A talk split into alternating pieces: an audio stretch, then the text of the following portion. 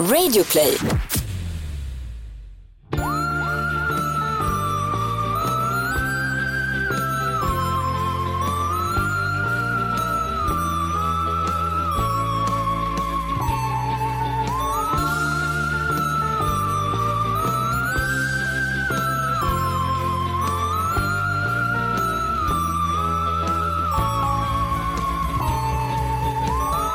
Ja, hallå, och välkomna till Mord mot Mord mord. mot ord, eh, sommarspecial nummer Dos. dos. Då.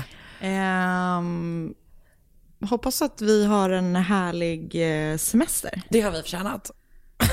Jag, jag tycker typ inte att det känns som att jag har förtjänat det. För att jag har varit permitterad och sen så har jag varit, var jag ledig sjukt länge innan jag blev gravid. Men du kommer ju, innan du blir gravid, innan du, Nej. innan du föder barn. Men fast grejen är ju typ att du kommer heller inte ha semester. Nej. Du kommer ha ett, uh, a Heltidsjobb. little baby. Och jag ser verkligen fram emot min nya anställning som eran barnflicka. Det ska bli så kul. men vi har inte riktigt pratat om det, men kan du tänka dig att städa och sånt när du är här också? Det kan jag, Typ när sover. men inte bra. Gud, Du hade varit så missnöjd med min städning, att jag lovar dig.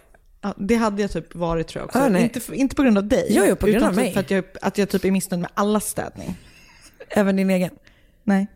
Okej, den är den enda som håller. Men jag orkar typ inte göra det själv. Men vet du vad, jag tycker typ så här. Mm. Det här är min inställning och det här är varför jag nu kommer få sparken från mitt jobb som Okej. din barnflicka. Ja. Jag tycker så här. Jag vill inte att det ska vara äckligt hemma hos mig. Nej. Rimligt. Mm. Men i övrigt så bryr jag mig inte så mycket. Nej, Och det här är... det kanske räcker med att jag tar hand om barnet. det tror det. Så kan, men du kan inte tänka någon annan som städar. Jo. Eh, Marcus? Nej, vet du vad? Nej, han är ju för fan ännu sämre kommer jag på. Ja, jag, vet inte. Jag, jag kände mig inte helt tagen av det erbjudandet. Eh, men det jag börjat göra nu sen jag blev gravid är att jag städar liksom i omgångar. Typ som i mors, igår kväll städade jag badrummet. Men hur har du gjort innan? Tagit allt i ett svep. Okej. Är det så man gör? Jag gör det. Ja. Men jag är så dålig. Alltså. Men nu har vi löst genom att ha fruktansvärt mycket, vårt hem är ju väldigt plottrigt. Ja. Alltså liksom så, Ja. vi gillar ju mycket saker. ja. Ni är inte Marie Kondo. Vi, jo, it all sparks joy man. Okej, okej, okej, okej. Sorry. Varenda liten grej sparks joy. Ooh, ooh, ooh. Det är därför jag är så jävla lycklig. Du är så Och glad hela Marcus med. Ni, ni, du började säga att ni har plottrigt hemma. Ja men det känns som att det har varit ett, eh, ett liksom knep för att eh, inte behöva städa lika mycket. Men tänk när ni ska städa vad mycket det är att damma. Jag vet, men vi har aldrig dammat någonting så det är nog ingen fara. Men det var också någon som skrev att bara, eh, det syns på ert hem att ni inte har några barn. Man bara, just ja. Ja, fan. Alltså, våra, våra, alltså våra hem är ju a death trap for Ja. children. Och att det är vi som har satt upp eh, krokar och sånt och då är det ju inte heller bra. Nej. Eller va? Vilka krokar? Eh, för alla tavlor och så. Det är jag och Marcus som satt du i menar dem. att de inte sitter uppe? Nej, Jag fattar. Det väl som att vi har köpt en liten sån nattlampa som ska sitta ovanför barnsängen. jag kommer gråta. Eh, När hon så, vaknar på natten. sen så kommer hon ju typ sova inne i vårt rum, tror jag, ganska länge innan hon flyttar in i sitt egna. Men då sa Oskar i alla fall så här, den måste vi borra upp. Och han har ju haft lite problem här med borren. Just det. Eh, så den måste sitta ordentligt så den inte brakar ner i sängen på henne. Då vill jag bara verkligen, verkligen vara tydlig med att det här var ingen inbjudan till att Anna vill ha tips på någonting. Nej, Så det kan ni ja precis. Nej. spare us. Exakt, tack. Jag tänker att vi kommer behöva vara tydliga med det. Ja, I allmänhet. precis. Att och även typ när man uttalar saker och sånt fel. så behöver vi inte få veta det. För jag kan leva mitt liv superbra med Ja, att gud, säga ja. fel. Shire till exempel som jag sa häromdagen. Som jag precis rättade dig för.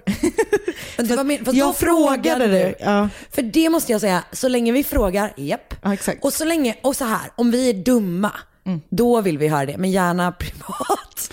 ja, Men liksom inte... um, ta inte varje ingen chans att visa ingen det på gillar en styva linan. besserwisser. Nej. Jag kommer ihåg min pappa hade en, en t-shirt. Han skrev ju mycket för eh, Mm. tidningen Musikermagasinet. och eh, deras slogan var som han hade på en tröja, som Mm. jag minns, alltså verkligen kristallklart från när jag var liten, var så här. Eh, Musikermagasinet, tidningen för besserwissers. Och så var det överstruket Esch och så stod det besserwissrar. Som att någon hade rättat, även i loggan. Kul! Eller hur? Det är som när man säger ingen gillar en Messerschmitt och så ska den personen som är besserwisser rätta. Boring. Boring. Nu avslutar vi det här podden redan nu. För att vi är rasande. Nej, det är vi Nej. inte. Vi är absolut inte rasande. Vi hoppas att ni har det väldigt, väldigt bra där ni är i sommar. Att ni får vara friska och Mm. eh, safe och eh, är snälla mot varandra. Samt även att andra är snälla mot er. Precis, och för att eh, vi tänker så mycket på er så eh, ska vi läsa upp lite läsarberättelser. Just det. Även i det här avsnittet. Just det, vet du vad? En sak som jag tänkte att jag skulle säga med. Ja. Jag ville också, eh, även i den här delen av podden, bara eh, påminna lite grann om våran merch. Ja men vad bra Karin. Eh, podstore.se, där kan man köpa t-shirtar, tjocktröjor kanske man inte behöver nu, men snart kommer hösten. Snart. I'm sorry. Och eh, i augusti, som vi är i nu, är det lite kyliga kvällar. Nu är juli. Ja. Men det kommer nu. I augusti som kommer nu. snart. Ja. Lite kyliga kvällar. Behöver man ha på sig en god hoodie. Väldigt god. Vi har ju tygpåsar, väldigt bra till stranden. Har vi? Eh, vi har... eh, Ta med dig en kopp Koppar, koppar. till kontoret, för snart kanske du får börja jobba på kontoret igen. Som du längtar. Och där kommer du med din nya kopp. Jajamän. Japp, hej då. Ett poddtips från Podplay. I fallen jag aldrig glömmer djupdyker Hasse Aro i arbetet bakom några av Sveriges mest uppseendeväckande brottsutredningar. Går vi in med hemlig telefonavlyssning och, och då upplever vi att vi får en total förändring av hans beteende. Vad är det som händer nu? Vem är det som läcker? Och så säger han att jag är kriminell, jag har varit kriminell i hela mitt liv men att mörda ett barn, där går min gräns. Nya säsongen av Fallen jag aldrig glömmer på Podplay.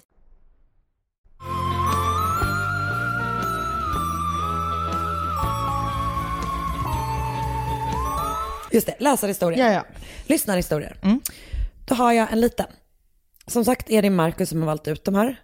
Och eh, det här är alltså en liten kort historia från en person som skickade, som jag läste upp förra veckan. För att Marcus tyckte om, eh, den här personen skickade tre historier, han tyckte så himla mycket om alla tre. Jag väljer två. Det här är hennes pappas historia. Det här är en snabb och kort, säger hon. Eftersom pappa är en snubbelig snubbig snubbe som inte berättar så mycket. Men pappa brukar alltid skryta om att han brukade spela biljard med Per Gessle i gymnasiet. Roligt skryt ändå. Så jävla pappigt. Och så har han skrivit papparen, pappor ändå va. Men något han inte tar upp så ofta är att han var gammal bekant med Sveriges så kallade enda seriemördare. Snälle-Bengt, har du koll på honom? Nej. Jätteobehagligt.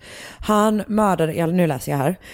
Snälle-Bengt eh, härjade i Kristianstad sent 80-tal, början av 90-talet om jag minns rätt och hade ihjäl två eller tre kvinnor och våldtog dem.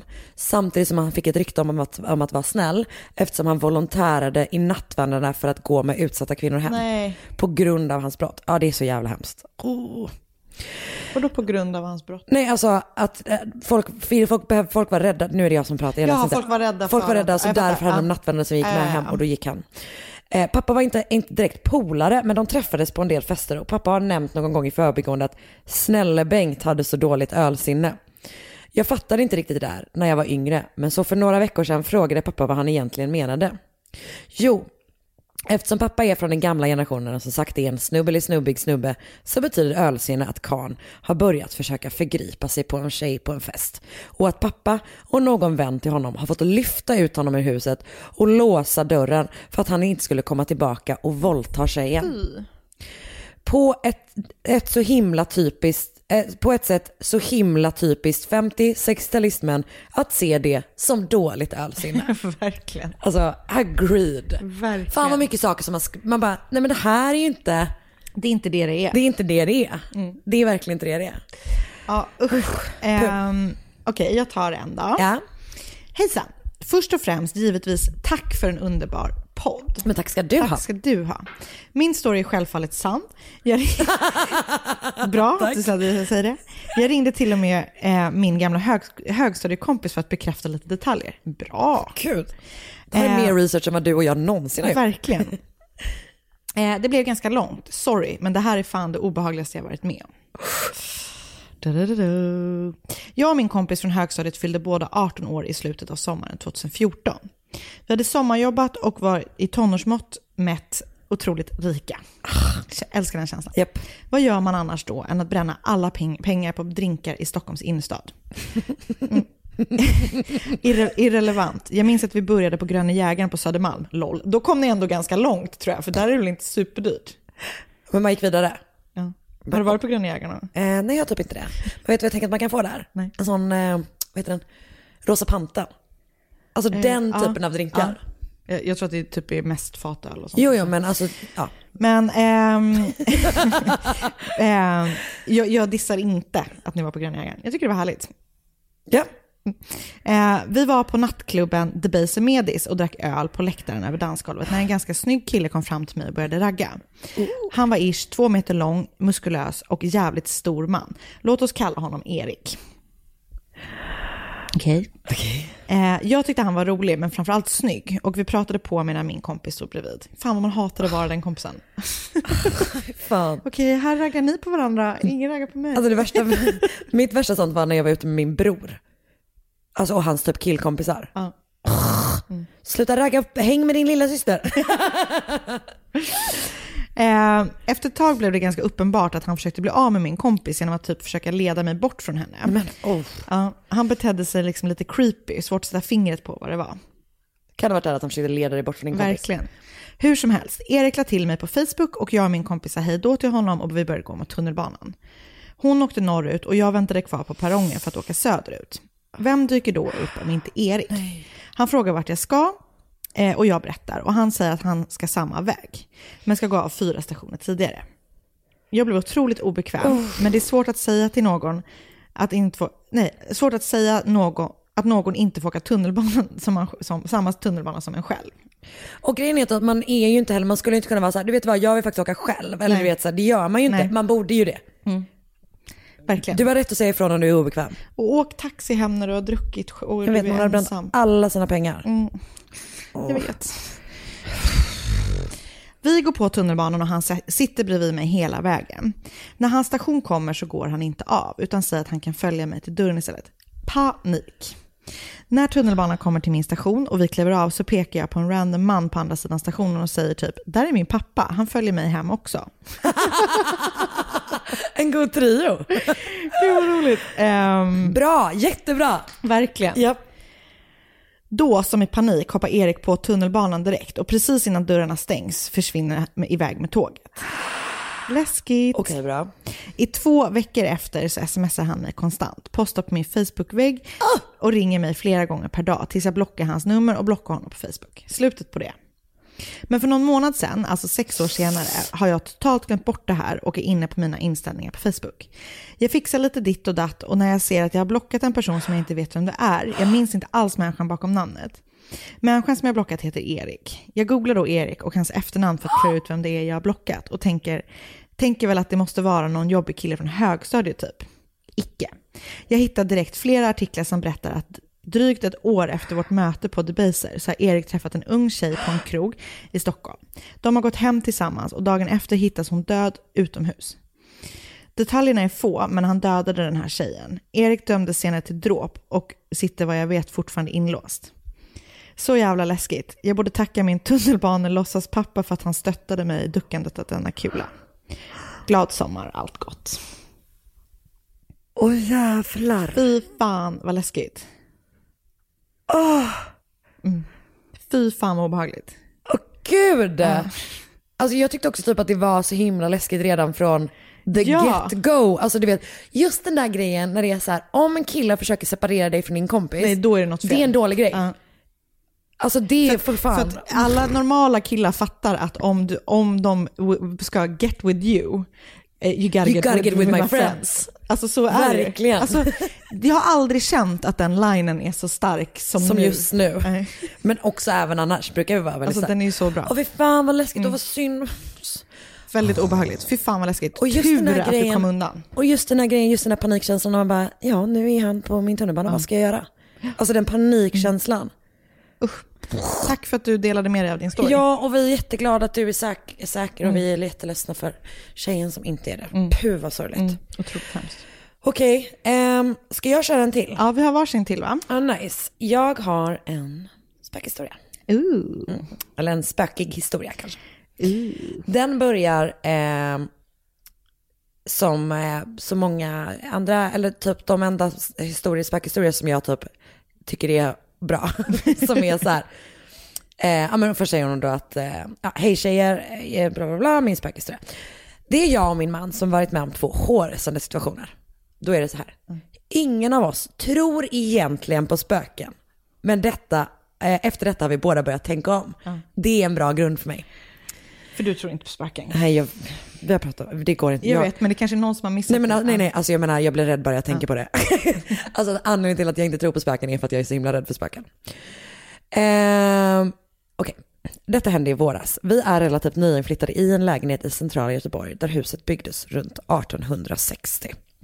Gammalt hus. Jag längtar hem till Göteborg nu.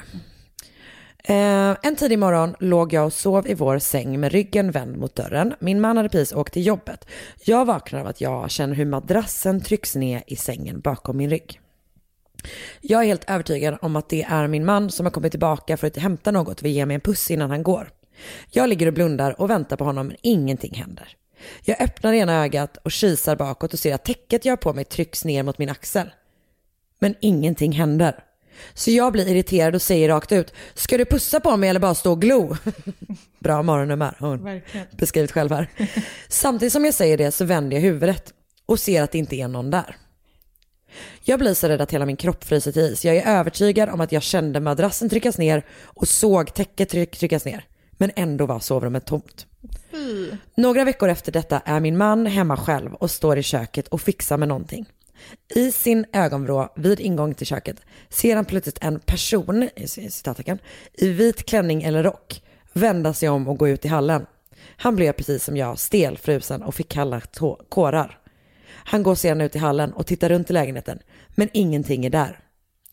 Jag försökte förklara bort det, men han är helt övertygad om vad han såg. Efter detta har det varit lugnt i lägenheten. Uh, läskigt.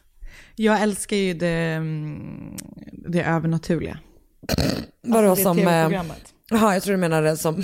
alltså att du Som koncept. som koncept älskar det Nej, det heter inte det övernaturliga. Det, nu, det är okända. det okända, Ja. tack. Ja, Men, ja, ja, gud ja.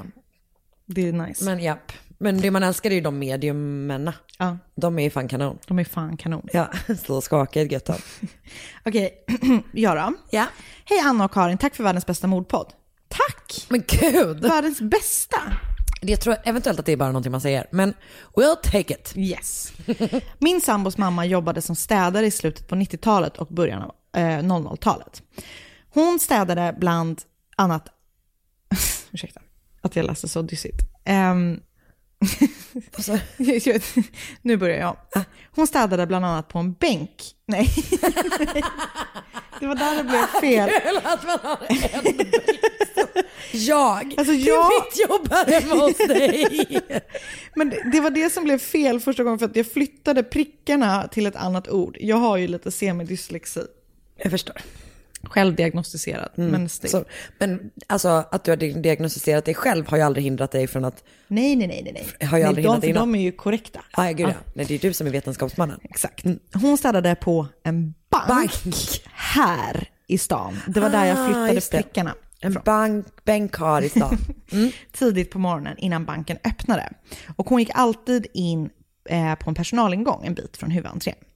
På morgonen kom hon in på banken för att städa och då var det redan människor där. Men hon tyckte inte, ty, tänkte inte så mycket på det utan började städa som vanligt.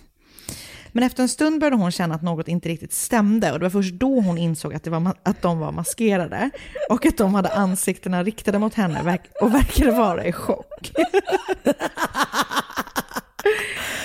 Till slut utbrast en av de maskerade männen. Vad gör du här? Det ska inte vara, det ska inte vara någon här. Kvinnan som frustrerad, Jättekul. förvirrad bankrånare. Verkligen. Var på min sambos mamma måste vara i extrem chock då hon bara fortsatte att städa och svarade. Jag städar, men vad gör ni här? Banken är inte öppen än. Jag älskar henne. Strax efter så hörde min sambos mamma sirener, men hon forts- fortsatte städa tills polisen kom in i byggnaden. Gud, jag älskar henne. Polisen förhörde henne om vad som hade hänt och först då förstod hon vad som hade hänt. Jag tror både bankrånarna och sambons mamma var chockade över alltihopa. Jag är bara glad att hon inte kom till skada. Tyvärr minns jag inte om rånarna greps på banken eller senare. De åkte i alla fall fast. Väldigt kul. Jag städar, men vad gör ni här? Jag älskar henne så mycket. Hon är Väldigt kul. underbar. Åh, You gud, vad go, mommy. Ja fy fan, hon var kanon. Tack så Tack jättemycket. snälla, det var väldigt kul att få läsa era historier. Verkligen. Och ni vill jättegärna... Fortsätt skicka. Exakt, Ja. precis. Fan. Jag bara, ah. Vad mysiga. Jag städar. Jag, jag när ni kommer upp på morgonen och när, ni, Vad fan gör du här ni kommer upp klockan så 05.30 när jag har satt igång. Åh gud. Jag städar, vad fan gör ni här? Ja, för du, hur ska du hinna med ditt vanliga jobb och det här jobbet? Och barnet och städ. Nej exakt. Nej, det jag kommer bli börja i väldigt tajt. Men jag läser det. Men det kanske är så att du och Markus får bo här. Men det jag tänker som är väldigt bra är att Marcus sover ju väldigt lite. Sant. Men vänta, vi kom ju fram till att vi inte kunde använda Okej, skit. Vi, vi vi, skit- får ja, jobba ut vi- det här, vi löser detaljerna. Ett poddtips från Podplay. I fallen jag aldrig glömmer djupdyker Hasse Aro i arbetet bakom några av Sveriges mest uppseendeväckande brottsutredningar. Går vi in med hemlig telefonavlyssning och, och då upplever vi att vi får en total förändring av hans beteende. Vad är det som händer nu? Vem är det som läcker? Och så säger han att jag är kriminell, jag har varit kriminell i hela mitt liv men att mörda ett barn, där går min gräns. Nya säsongen av Fallen jag aldrig glömmer på Podplay.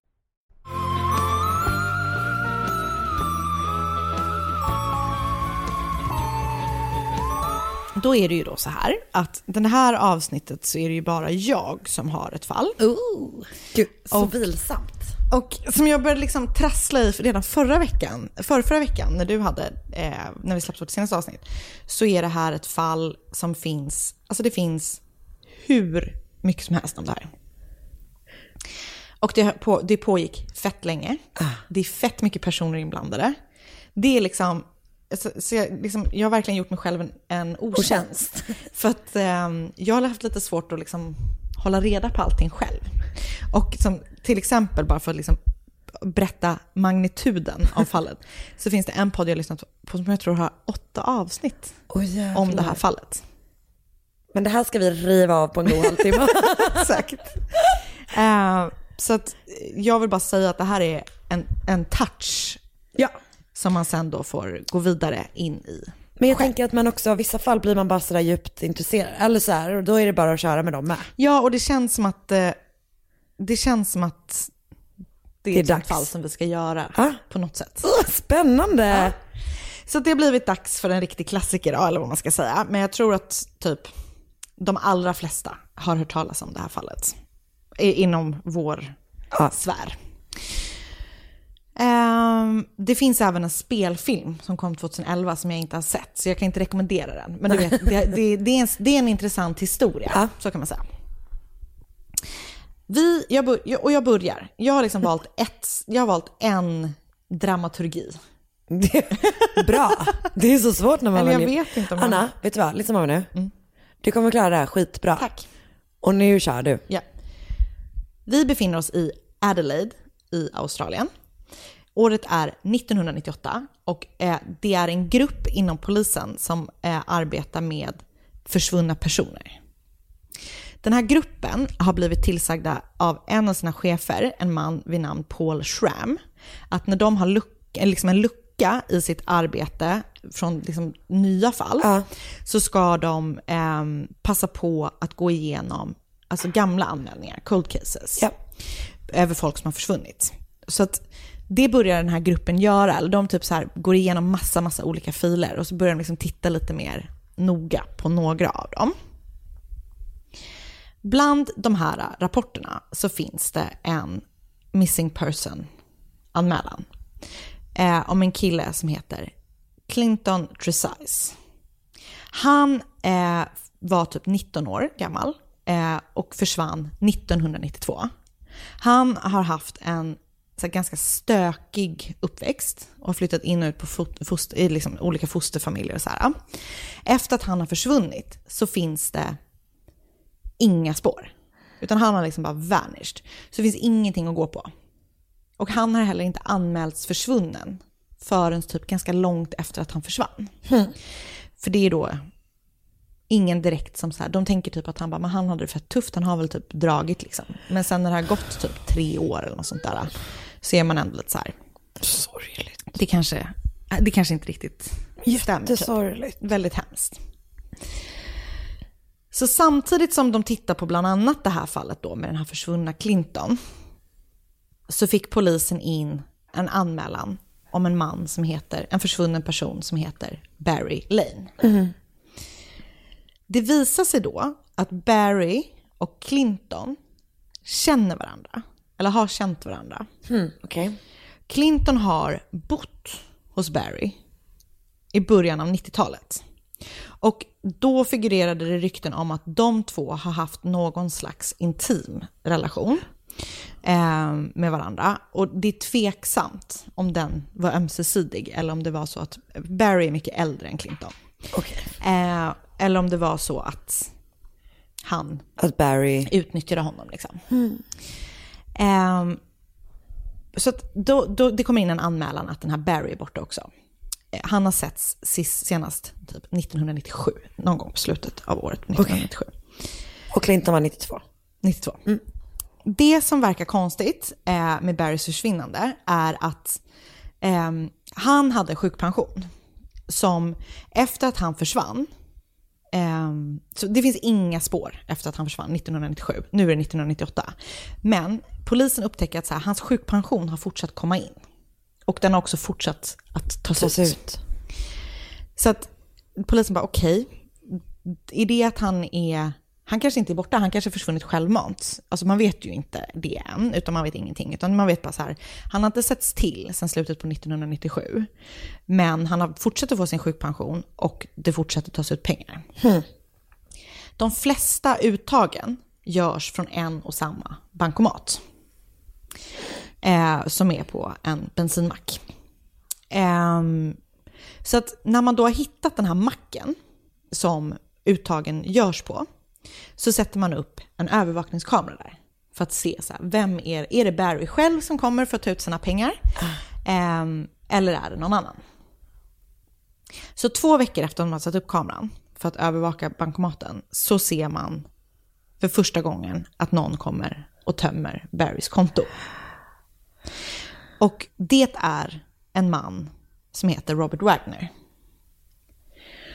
Och när de har sett Robert ta ut pengar från Barrys kort två gånger, så det typ så här, de bara, för, för först, första gången det händer så är det så här, men det kanske är en slump liksom, att det inte är Barry. Eh, man kan ju ta Någon kanske hjälper någon annan liksom. Men när det har hänt två gånger så är de så här bara, okej, men det är lite suspekt ändå. You think?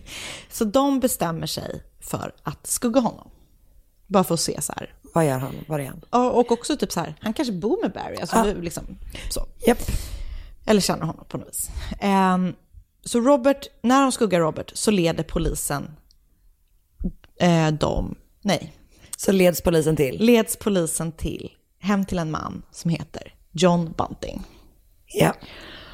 Och det visar sig när man tittar lite närmre på Barry Lane och hans liv att han känner både Robert Wagner och John Bunting. Okej.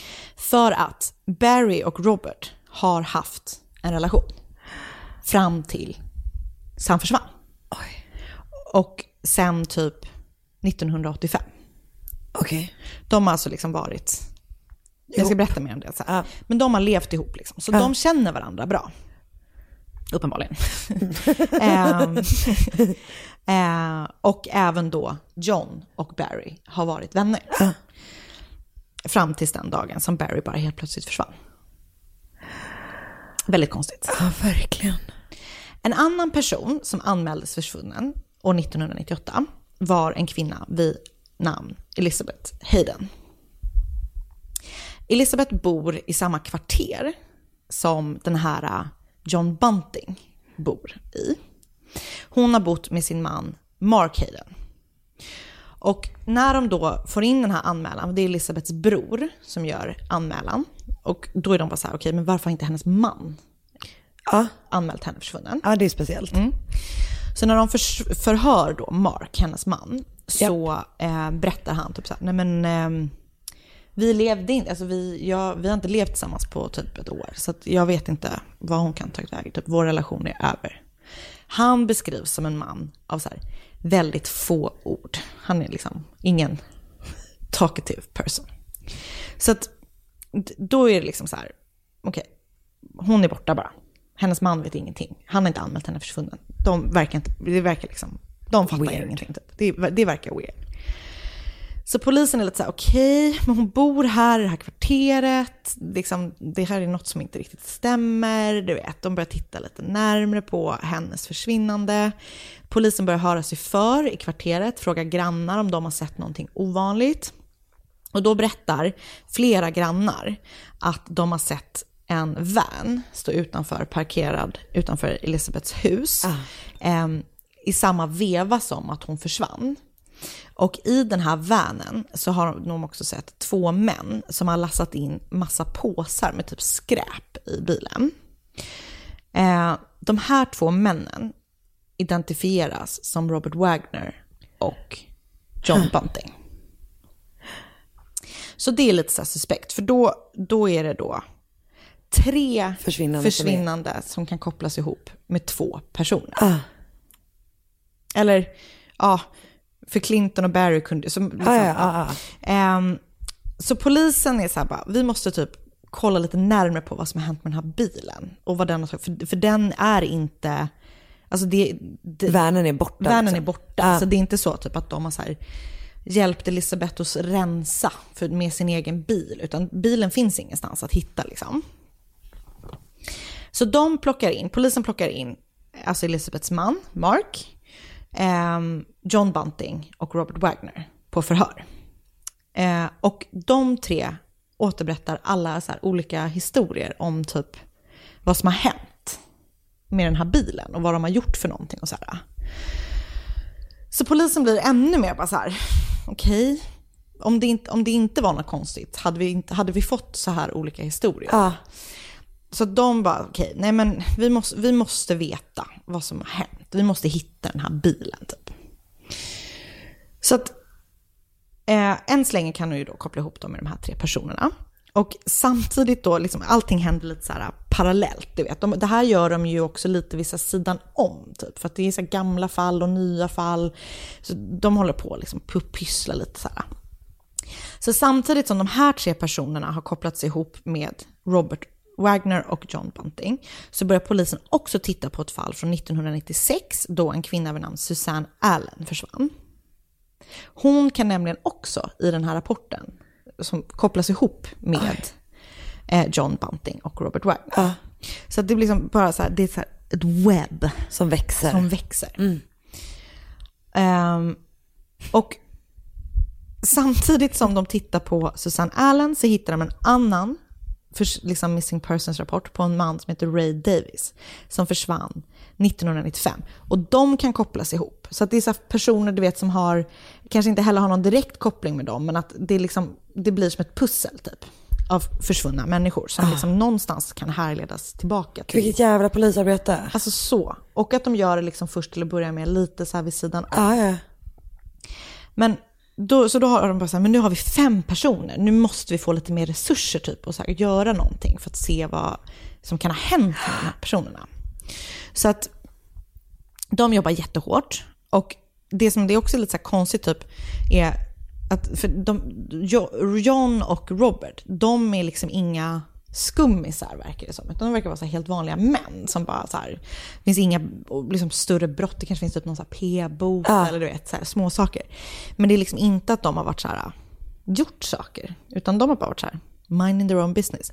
Men de här personerna, de här fem försvunna personerna som liksom börjar liksom vara det här att bara, mm, del av den här webben, är då början på slutet på en av de absolut mest kända mordhistorierna i Australien, som är alltså The Bodies in the Barrels Just. och Snowtown Murders.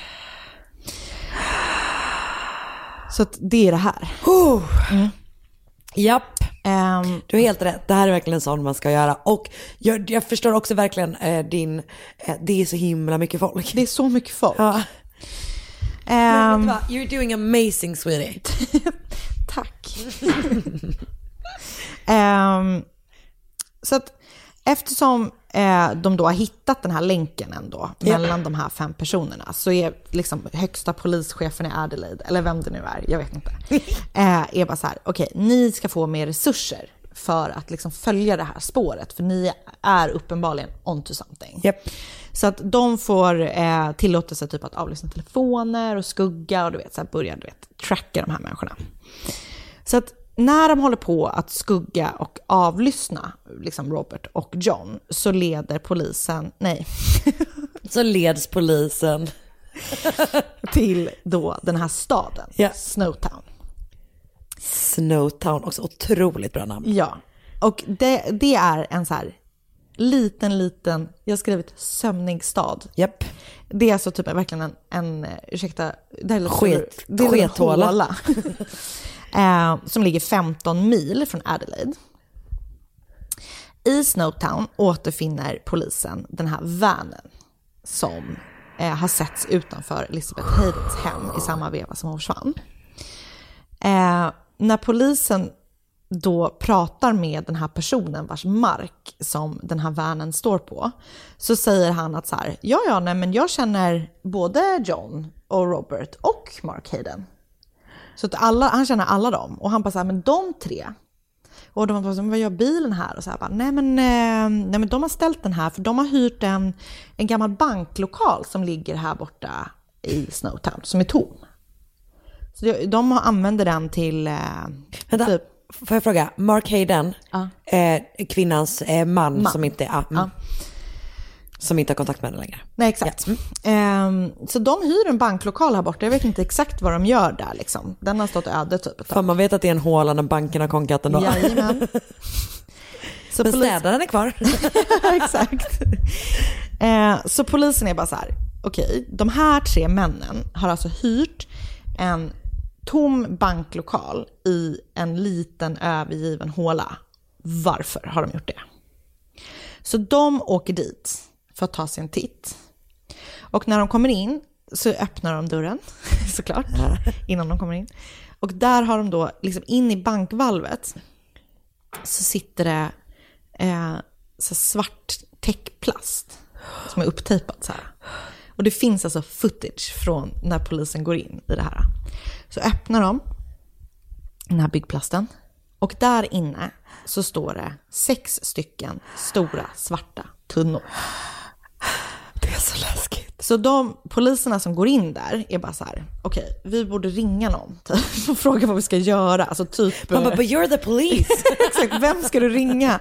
Nej men de ringer typ till dem som så här, eh, typ överordnade. alltså forensics och sånt där. Vad vill ni att vi ska göra? För de tror då att de har snubblat över en jättestor knark, eh, liksom, kna- att de, att de gör knark där liksom. Typ. Så typ den här liksom, personen som de ringer, vem, vem det nu är, är så här, men öppna locket så får vi se vad det är typ, innan vi kan säga exakt vad ni ska göra. Vi måste ju veta vad det är ni har hittat liksom. Vi kan ju inte så här, ja, ge råd. Ändå taskig person. Också, jag hade verkligen varit den personen som är, är polis. Nej, men jag, jag tror jag hade kunnat vara båda personer. Både den som är så här, vad ska jag göra med det här? Och vara så här, men snälla ring inte mig. Kan du öppna, lådan? Ja. Den personen som öppnar får ju en Oh. total chock. För att i de här tunnorna så är det då kroppsdelar. Och ehm, det är sex stycken tunnor totalt. De är stora, liksom, är det sådana vanliga... Alltså, Tänk dig som en regntunna. Ja, typ. ja, ja, jag fattar. Ehm, Typ i plast. I plast. Ja, mm. Eh, och de, det är kroppsdelar och man är så här, vi vet inte riktigt eh, hur många människor det är i de här tunnorna. Och man vet då såklart inte vem det är eller vilka det är. Och man vet ju inte heller om det är de här fem personerna. Man tänker så här, det är nog de här som har försvunnit i alla fall. Men det visar sig att det är Många fler. många fler kroppar eh, än de här fem. Eh, så att när de då har gjort den här makabra upptäckten så griper polisen John, Mark och Robert. Och alla de alltså, kniper som möss till att börja med. när de blir intagna av polisen? Alltså jag, jag känner typ till det här fallet bara by name mer. Mm. Det här, jag har inte liksom läst, jag har inte f- fell down that rabbit hole. Rabbit hole. Because it's deep man. Men alltså- Don't fall in, you'll never get out. Vad fan. ja. Vad läskigt. Det är skitläskigt. Ehm, så att media börjar såklart rapportera om det här. Det blir ju liksom eh, ja, väldigt stort pådrag. När de gör det så börjar det också komma in massa tips till polisen. Som de, de vill liksom... Ja, det kommer in massa tips. Bara så här, det här borde ni kolla på, det här, du vet, jag känner den, så här, bla bla bla. Ett av tipsen säger polisen så här, ni borde åka till den här adressen i Salisbury North, för där kommer ni hitta fler kroppar. Så polisen är bara så här, jag vet inte varför de väljer att gå på just det här spåret. Liksom. Jag vet inte hur man utvärderar, men de gör det i alla fall. Så polisen åker till det här huset, börjar gräva där och där hittas kvarlevorna eh, av två kroppar. Susan, Dav- Susan Allen, som är en av de här fem ursprungspersonerna, och Ray Davis, som också är en av de här ursprungspersonerna. De har begravts på samma plats. Vet du vem som har bott i huset? John Bunting. Så samtidigt så börjar ju då jobbet med att identifiera kropparna i tunnorna. Och det, jag såg en dokumentär där det var någon så här forensic person som bara, det var typ som ett pussel. Du vet, att lösa vad som har hänt. Däremot, den vätskan som de har legat i är någon så här blandning av någon, något kemiskt medel och vatten typ. Som, det har bidragit till att bevara kropparna helt och hållet, eller kroppsdelarna. Alltså det är inte liksom förmultnat. Nej, och det, det har liksom inte heller varit så syra så att kropparna har försvunnit, utan de är liksom helt Intakta. så. intakta. Så att eh, rättsläkarna kan både så här, du vet, se tatueringar som offren har haft eh, och de kan också se då vad som har, alltså vad kropparna har, typ har blivit utsatta för innan de har hamnat i tunnorna. Alltså det blir så jävla... Att det är så här... Det är, det så så- jävla ovärdigt. Ja. Alltså att man liksom så här... Man mördar människor och sen låter man dem ligga Nej, på det det- här sättet. Alltså det är liksom... ah fy fan. Det är så jävla läskigt. Och så här, vad ska ni göra med det? Är det bara, ska det stå, bara stå där liksom? Ehm, så det visar sig då när de liksom har då börjat undersöka de här tunnorna att det är totalt åtta personer i de här tunnorna. Det är alltså fem fler personer än de här tre som var ursprungspersoner. De hade ju hittat två. Så att Så nu det, är det nu är vi på tio totalt. ehm, Åtta precis. där och två Ja. stycken. Ah.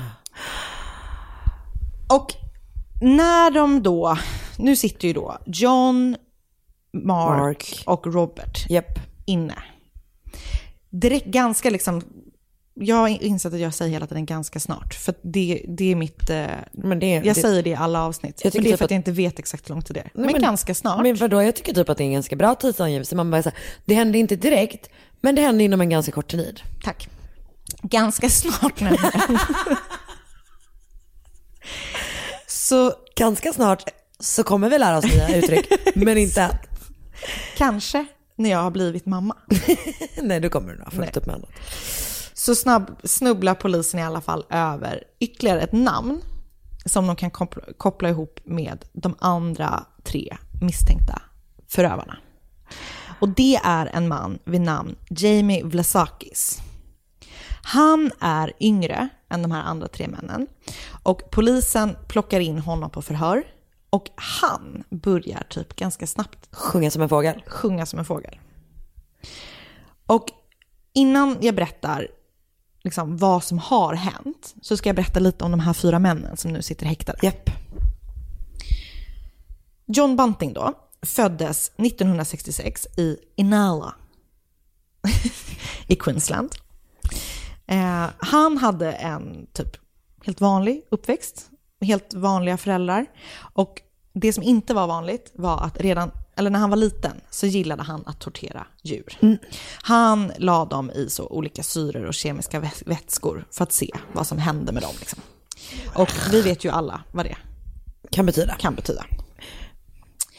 Eh, som tonåring så blev han intresserad av nazismen. Inte heller så vanligt eller normalt. Eh, och så vit makt liksom. Han var verkligen så. Eh, Han var typ, racist as, fuck. verkligen. Och typ när han flyttade hemifrån första gången så hamnade han liksom i någon sån liten eh, grupp typ och sådär. Eh, enligt honom själv har jag skrivit, men det är enligt honom själv. För jag inte, det, så, så blev han sexuellt utnyttjad av en, sin brors kompis när han var liten. Det har han ju säkert blivit. Ja, ja. Eh, så jag vet inte varför jag skrev enligt honom själv. Men han har blivit det. Ja. Ehm, något då som led, ledde till att John absolut hatade pedofiler. Vilket inte... Fint, stort. Verkligen. Bara, eh, nej men du känner John, ja, men det är han som hatar, vad är det nu just det? Eh. Icke-vita och pedofiler. Ja, exakt. Ehm, så att han är ju typ så här, du vet, han är en arg ungdom som har blivit utnyttjad som liten och som har intresserat sig för han liksom hamnar lite på glid. Han hamnar i något gäng som är nazister. Du vet, så här, och du vet. Fast han hade ju kunnat typ engagera sig i en sån liksom, eh, organisation som typ stöder barn som blivit utsatta för sexuellt våld. Men han har bara- sin egen take på det. han har sin egen Ja. take. Okej, kör. Ehm, Of course he does. Men, ehm, Han har sin egen take på det. nej, men eh, så han är liksom... Han är i eh, den här gruppen, den här miljön. Ja.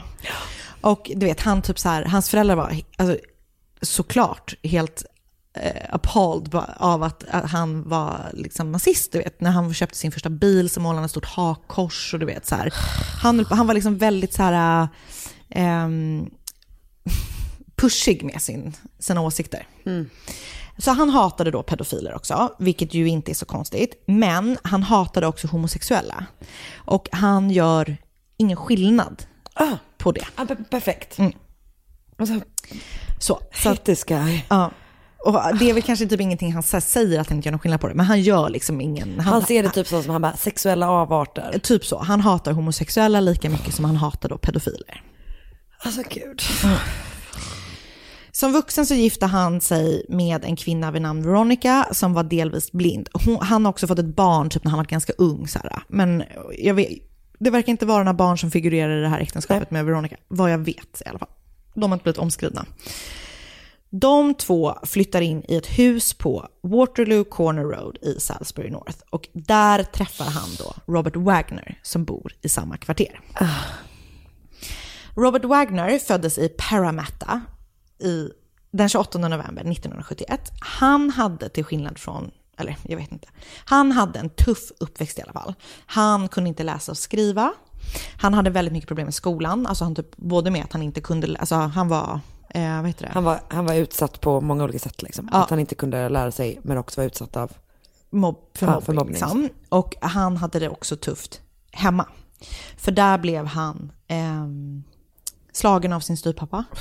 Och han blev ehm, eh, också utsatt för sexuella övergrepp. Typ som tonåring. Han och John eh, träffades 1991. Eh, och John var master manipulator och liksom Han fick folk fick, dit han ville. Exakt. Även Robert då. Eh, Mark Hayden föddes 4 december 1958. Han var då gift med Elizabeth Hayden. Och han beskrivs som, alltså det finns väldigt lite om honom, men han beskrivs som inte särskilt smart. Och, Roast. och som att han var liksom en perfekt person för John att manipulera och få göra precis vad han vill. Han typ såg upp till att John hade så fasta övertygelser om saker. Och du vet att han var så här passionate about hating pedophiles typ. Alltså du vet, den. Så skulle man bara, du, om du bara gillar folk som gillar folk som har fasta åsikter i allmänhet. Exakt. Ehm, och så sist då Jamie Vlasakis som föddes på julafton 1979.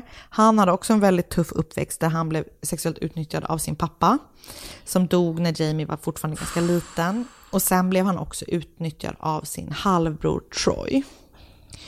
När pappan dött så börjar Jamies mamma, Elizabeth Harvey, dejta John Bunting. Ah, så det är just för han var mycket yngre än de andra, så han kommer in shit, där. Exakt. Mm, jag fattar. Så när Jamie träffade John då så blev han typ som en så här pappafigur eller en räddning, du vet så här. Och John, du vet när han berättar typ att han, att, när Jamie berättar att han har blivit utsatt för sexuella övergrepp så han typ att han bara, det är inte okej, du vet, du, du vet så. Vilket vi verkligen håller med om. Vilket det ju verkligen inte är, men ja. Jag fattar. Så det är de fyra som sitter häktade. Eh, så då ska jag berätta vad som har hänt. Om, nu ska jag berätta om deras offer. Jag känner att det här kommer vara jättehemskt. Det är redan jättehemskt men. Ja. Så någon gång i juli eller augusti 1992 så mördar John Bunting sitt första offer. Det är då den 19 år gamla Clinton Tresize som John har bjudit in till sitt hem. Eh, Clinton tror jag är homosexuell. Eh, För han hade en relation med, precis. japp. Vad heter- han som han hade en relation med? Barry. Just det, exakt. Ehm, och jag vet liksom inte om man kan kalla det för en relation. Och det jag säger tror är homosexuell för att För att det finns mycket som tyder på att han kanske bara blev, Blev utnyttjad utnyttjad. och typ tvingad till. Men Men i Johns värld då så är Clinton pedofil. Eh, vilket det, det finns ingenting som styrker att jag han är pedofil. hans värld. Mm. Så därför är det, därför har han mördat. Så han har mördat den här personen Clinton. för att eh, han antagligen är homosexuell och han har bestämt att det är samma sak som eh, pedofili. Ja. Okej. Tre år senare, i december 1995, mördar John Ray Davis. Ray har varit tillsammans med Susan Allen, som båda två har hittats mördade, som jag tror är granne till John. Just det, John och Robert har ju träffats, Just för de bor grannar. just det. Och John har lyckats få med sig, på de här tre, sen sitt första mord så har han lyckats få med sig. Ja. Så det är John och Robert mördar Ray. För att Susanne har sagt att Ray har begått övergrepp på hennes barnbarn. Så Ray och Susanne har alltså varit tillsammans. Ja. De har gjort slut, men Ray får fortsätta bo kvar på hennes tomt i typ en trailer. Och när de har gjort slut så går Susanne och hon börjar prata med John och bara Nej det det här." är så hemskt och typ ehm, han har utnyttjat mitt barnbarn. Och då, Bestämmer han sig för att... ja, Ja. så mördas han. eh, och jag vet inte om han har det. Ehm, så. Nej. Men ehm, efter att de har mördat Ray, så Ray anmäls aldrig försvunnen. Det finns ingen annan som vill anmäla honom försvunnen. Det finns ingen som gör det. Eh, så fortsätter, det då, det, då börjar liksom John ta ut hans sjukpension. För han har eh, en kognitiv funktionsvariation. Så att han har någon slags ersättning. Ja, ah, just det. Mm. Ehm, så att då börjar, liksom, det, det är väl typ första gången som John inser att så här, jag kan ju mörda den här personen men inte anmäla att han, alltså om ingen anmäler honom så är det ingen som vet att han är död. Hence eh, money till John. Ja. Ehm, ett år efter att de har mördat Ray i december 1996 ehm, så mördar, eller man tror att John och Robert mördar Susan Allen. Alltså Rays Ah. ex eller vad man ska säga. Man kommer inte kunna bevisa att hon har blivit mördad av dem. Men med deras Så de hittade hennes kropp? Ja, men deras track record säger ju att så här, det är klart att de har mördat henne. Men de kommer sen hävda då att hon dog av naturliga skäl. Så att efter att de, hon har dött så har de typ styckat och begravt henne. Just det, men det är så man brukar göra när typ man är med någon som bara råkar dö. Man bara, det är nog bäst att jag styckar den här kroppen och lägger den i en tunna. Mm. Okej. Så hemskt. Den 19 år gamla Michael Gardner bodde i närheten av John och Robert och han mördades år 1997 för att Robert tyckte att eh, Michaels homosexualitet var stötande. Han vill mörda folk. Eh, bara. Men, Och till saken hör ju att 19 år Robert gammal. är ju homosexuell också. Eller har i alla fall levt i en homosexuell relation. Så jag, liksom, det- jag får inte ihop det. Nej men det och grejen är att folk som vill mörda kommer hitta sina Hitta anledningar att mörda. Men för fan 19 år Jag vet, gammal. så, så ung. I hate these guys. Man gör verkligen det. Och sen så är vi framme då vid Barry Lane. Just det. Han var ju en av de här första liksom fem som Japp. polisen ursprungligen letade Och efter. det var 97 han hade försvunnit va? Han försvann 1997. Och Barry Lane var nog faktiskt, eller han var liksom pedofil, för han och Robert Wagner hade ju då haft någon typ av relation, eller vad man ska kalla det för. Och den hade inletts 1995, när Robert bara var 13 år gammal. Mm. Och den pågick fram tills att Barry blev mördad. Så Barry och Robert har då bott ihop under alla de här åren och har bott grannar med John. Och de har liksom blivit vänner först, alla tre. Och eh, Barry har eh, varit med och mördat Clinton fem år tidigare. Ehm, och enligt Bunting själv, alltså John själv, så har Barry fått leva så länge trots att han var pedofil.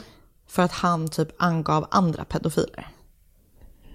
Men alltså förlåt, kan de här människorna sluta få det att framstå som att de typ begår en fin gärning? Alltså det är ju liksom verkligen det att du, man, man har någon sån jävla Dexter-grej Det going är precis typ. det. Ehm, och som sagt, han var med och mördade Clinton då, fem år tidigare. Och tydligen så hade Barry börjat liksom prata om att de hade mördat Clinton. Så det var därför de till slut Mördade honom. mördade honom. Liksom. Ehm, och Robert gjorde det väl säkert som någon slags hämnd, alltså du vet, man, eller jag vet inte. Det så. finns säkert många olika anledningar ja. To- eh, Thomas Trevillion, Trevillion, Trev, Trevelyan. Trevillion, jag sa Kanske. rätt. Det lät fint. Okej, jag kollar på dig. Jag sa rätt. Jag sa inget annat. Han var 18 år gammal. Och även han hade då haft en relation eller blivit utnyttjad av Barry. Och han hade varit med och mördat Barry. Men gud, de har också dragit in så himla många personer. För det är det Så som vänta, så... så Barry var med och mördade Clinton. Clinton. Och den här personen som vi sa hette Eh, Thomas. Thomas har varit med och mördat Barry. Ja. Och efter att de då har mördat och gjort sig av med Barrys kropp så mördar John och Robert Thomas. För att de är osäkra på efteråt, bara kommer han Och han kommer att tjalla på oss? Så att de lyckas liksom få med folk på tåget Genom att säga typ så här, vi städar upp på pedofiler, vill ni vara med? Det är så jävla läskigt. Mm. Det är så jävla läskigt att de liksom rekryterar folk.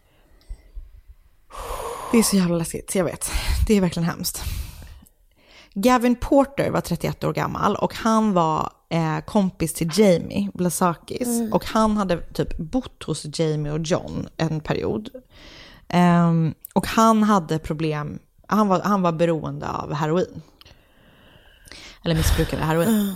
Så John tyckte typ bara helt att, alltså enkelt att de skulle eh, mörda honom. Eftersom han var waste. Som inte förtjänade, förtjänade att leva. Det är inte upp till dig att bestämma. Nej. Ugh. Eh, Fan jag hatar sådana här, för det känns som att, att det här känns verkligen som en, ett riktigt as med en sån grandios självbild liksom. Verkligen. Och det som hade fått eh, liksom John att fatta det slutgiltiga beslutet om att mörda Gavin var när han hade typ satt sig i sin soffa och blivit stucken med en spruta som Gavin hade liksom använt. Jag fattar att Man det hade blivit skitlack. Man hade verkligen blivit men, men, eh, men det hade ju kanske inte varit... Nej men det är ju också typ såhär, nu får du flytta ut. Exakt. Så. Ja, Vi måste establish some boundaries. lite så. trivselregler. Men det handlar som sagt, det handlar ju inte om någonting utöver att den här personen vill mörda så många som möjligt. Ja, nej, Alltså det är här, precis, det är bara hittar det. anledningar. Ehm, Okej. Troy Jude, Judy, Jude var Jamies halvbror som hade utnyttjat Jamie när Jamie var yngre. Så 1997 tror jag att det är, så säger John så här, du ska få ta ut din hämnd. honom."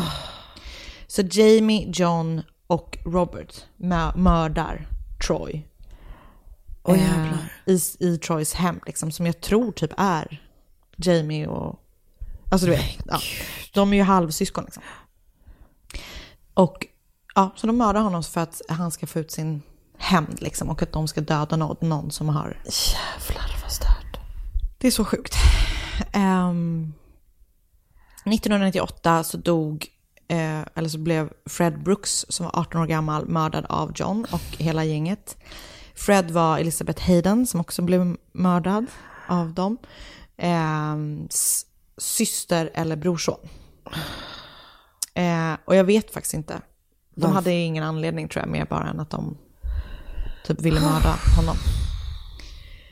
Eh, Gary O'Dwyer var en person som bodde i området och han hade också en kognitiv funktionsvariation. Så han mördades 1998 och det var typ för att John var så här, det är ett lätt offer. Och han ville mörda igen uppenbarligen. Och ehm, eh, han kunde ta ut hans försäkringspengar. För ingen skulle typ anmäla honom försvunnen och du vet, ingen skulle bry sig om att han försvann. Så. Alltså de där gör mig så jävla ledsen, just de här, när, det, när det är kallt beräknande, här kommer ingen, så, eller förstår du vad jag menar? det är så Det är jävla så jävla ont liksom. Så vidrigt sätt att se på människoliv. Typ. Det är verkligen fruktansvärt. Eh, Elizabeth Hayden då, så nu jag avslöjade att hon blev mördad. Hon blev då till slut mördad av dem för att John tyckte att hon visste för mycket, helt enkelt. Och eh, Mark var inte med och mördade sin fru, men jag tror att han visste om Fint, det. Liksom. fint av honom. Eh, och den sista personen som de mördade innan de till slut skulle åka fast var Jamie Vlasakis styvbror. David Johnson. Han lurades av Jamie. Liksom, Jamie var typ så här, vi, vi ska åka på en eh, typ utförsäljning av datorer i Snowtown. Eh, men när han kom, när de kom till Snowtown och kom till banken eh, så var det ju då inte någon datautförsäljning där, utan han blev överfallen av eh, John och hela gänget. Eh, jag vet inte om Jamie visste om att de skulle mörda honom, för att när de har liksom överfallit honom i banken så eh, typ binder de honom och är så här, ge oss eh, dina alltså kreditkort, eller vi ska gå och ta ut pengar på ditt kort liksom.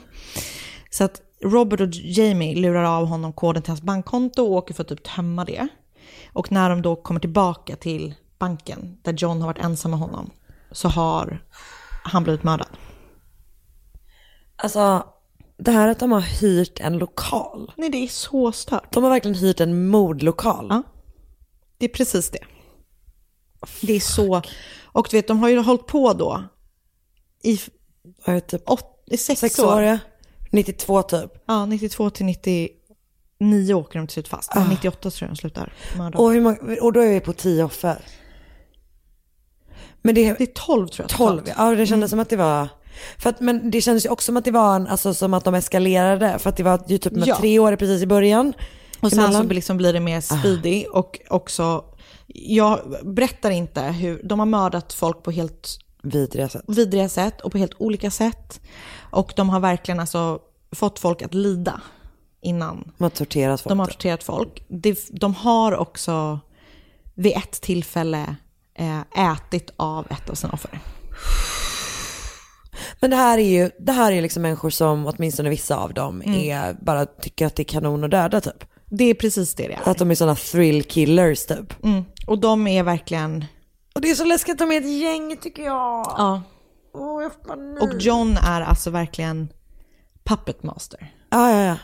Han är liksom hjärnan bakom allting. Så mellan 92 och 99 så mördar de alltså de här fyra männen 12 personer på det liksom mest vedervärdiga och hemskaste sättet man kan tänka sig. Och anledningen till att de gör det då, alltså det är ju, det är ju John som är hjärnan bakom allting. Och han menar att de håller på att städa upp samhället på pedofiler. Absolut. Så att ehm, det är liksom hans motiv. Och det är precis som du säger, det är, det är precis en sån Dexter-grej. Ja. Och eh, problemet är ju bara att de allra flesta offren har ju inte varit det. Man, alltså, det finns inget, alltså, Problemet är ju också Eh, Och man får inte göra det. Nej, det är verkligen det största problemet är att så här, man har inte rätt att göra det. Nej, man, vi håller inte på med sån öga för öga grej. Men, Nej. men, men, nej, men det har ju inget, alltså han kan ju säga, och det säger väl han för att han har en grandios självbild och vill få det att framstå som att han är fucking kanon. Mm. Och han använder säkert det som argument för att få med folk. Det är ju det han gör och liksom, han väljer ju då personer som har blivit utsatta. Exakt. Eh, I alla fall Robert och Jamie har ju blivit det båda två. Så han är liksom är så här, så jävla- vi ska hjälpa er att få liksom ut, vi ska hämnas Ingen er. annan ska få vara med om samma sak som Exakt. mig. Alltså det är så jävla ont. Det är så jävla, jävla läskigt. Och det är såklart, huvudmotivet är ju att han är en vidrig person som Ja, vill som tortera och mörda folk. Japp. Liksom. Eh, och det är ju det sjukaste tycker jag, precis som du säger, säger liksom, är inne på att så här, han har lyckats få med sig så många personer, alltså det är fler personer än de här fyra som varit involverade. De har bara blivit mördare för att liksom, de var inte den innersta cirkeln. Och har mördat folk för att han tycker det. För att han är så manipulativ. Ja. Och det är ju för att han väljer liksom, eller han omger sig ju då med människor som eh, har haft det tufft liksom. Han typ låtsas att han ser dem. Och så här, Så som, ja, men som han blir som en sektledare typ. Exakt. Ehm, så när rättegången inleds så finns det liksom jättemycket material och det finns typ så här, det finns jättemånga vittnen och det var, jag tror jag läste någonstans det var typ så här 4000 bevis eh, liksom material. Exakt. Ehm, och hela världen liksom bara så här, följer ju det här jättemycket. Det, det, är liksom direkt från början så erkänner sig Jamie skyldig till fyra mord och döms till 26 års fängelse och efter det blir han åklagarens liksom stjärnvittne mot de andra männen. Så han typ ja, gör en deal liksom. Så efter väldigt mycket förarbete, de åkte ju fast 1999, så inleds rättegången mot John och Robert 16 oktober 2002. De var åtalade för typ 11 mord, tror jag, sånt där. Ja. Och massa andra skit liksom. Mark Hayden fick en egen rättegång där han var åtalad för liksom något färre mord, men också medhjälp till mord. Så de var två parallella liksom. Eh, Robert och John är typ helt oberörda av vad åklagarna presenterar under rättegången. De visar ingen ånger, alltså vet de är bara så helt likgiltiga typ. Eh, rättegången pågår i 174 dagar. Åh jävlar. Mm. Och det kommer fram liksom massa äckliga grejer och så här som jag inte vill typ berätta. Ehm, de säger ingenting under rättegången. Vilket också är så störigt. Ja, det är verkligen stört. Men den 8 september 2003 så döms eh, Robert och John eh, skyldiga, som skyldiga till 11 mord. För de kan då inte bevisa att han, de har mördat Susan Allen. Just det, just det. Så att 11 mord döms de för. Och de döms båda till liksom Alltså- om och om igen livstider. Ja. Så John har efter, 11 stycken efterföljande livstidsdomar och Robert har 10 stycken. Eh, Mark Hayden dömdes till medhjälp till mord och, eh, och eh, fick 28 år i fängelse.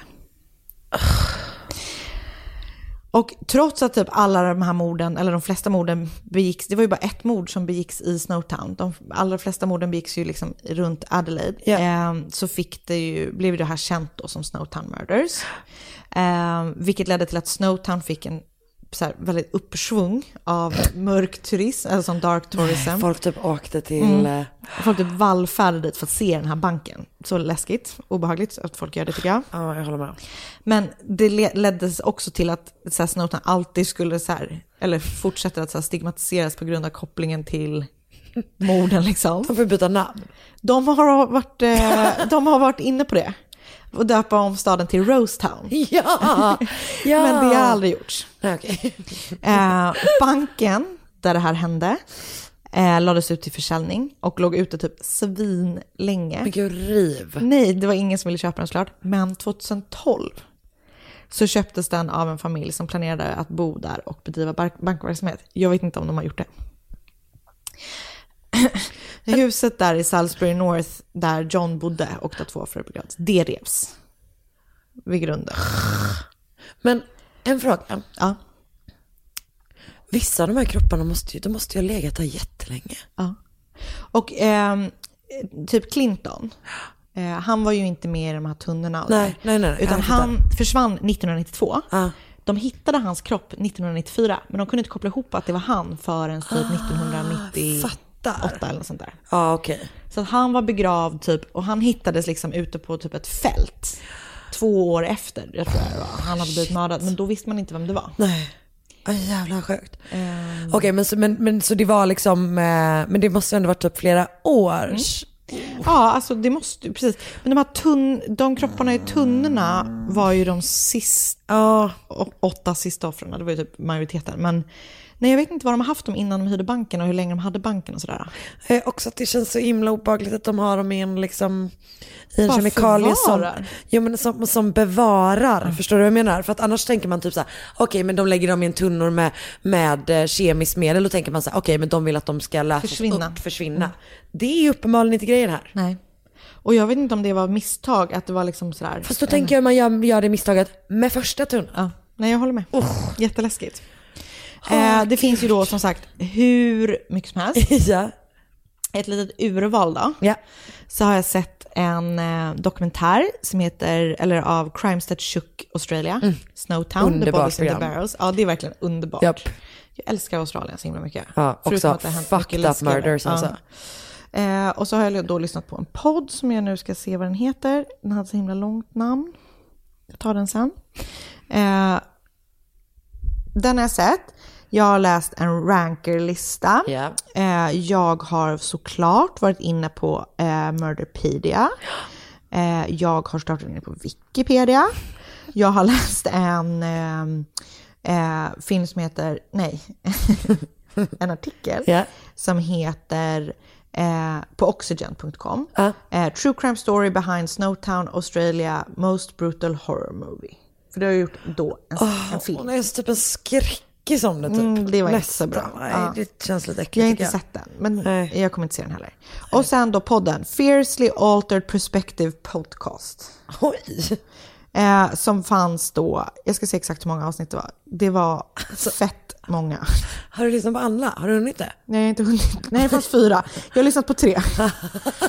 eh, men den var ganska bra faktiskt, Ah, måste nice, jag säga. Och så, ja, så det, vi länkar som vanligt allting. Ja det gör vi och tack så jättemycket. Tack. Fuck alltså. Och, och, Det här var tungt. det är spännande, så jag, jag liksom känner, ja. Extremt eh, intressant och spännande och jätteläskigt. Och Anna jag tyckte du gjorde det jättebra. Vad gullig du är. Tack Karin. Jag menar det. Ja, tack. Ehm, och sen så vill vi också tacka er som har lyssnat. Ja, och som vanligt. hoppas att ni har några fina sista veckor på semestern kanske. Ja, vi hoppas ni har det underbart och eh, Vi hörs om två veckor. vi hörs om två veckor. Hej då! Hej då!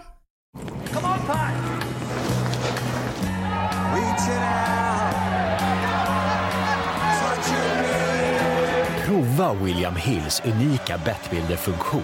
Tillgänglig på alla stora ligor och mästerskap. Alltid i en trygg och ansvarsfull miljö. Välkommen till oss på William Hill. Ett poddtips från Podplay. I fallen jag aldrig glömmer djupdyker Hasse Aro i arbetet bakom några av Sveriges mest uppseendeväckande brottsutredningar. Går vi in med hemlig telefonavlyssning och, och då upplever vi att vi får en total förändring av hans beteende. Vad är det som händer nu? Vem är det som läcker? Och så säger han att jag är kriminell, jag har varit kriminell i hela mitt liv men att mörda ett barn, där går min gräns. Nya säsongen av Fallen jag aldrig glömmer på Podplay.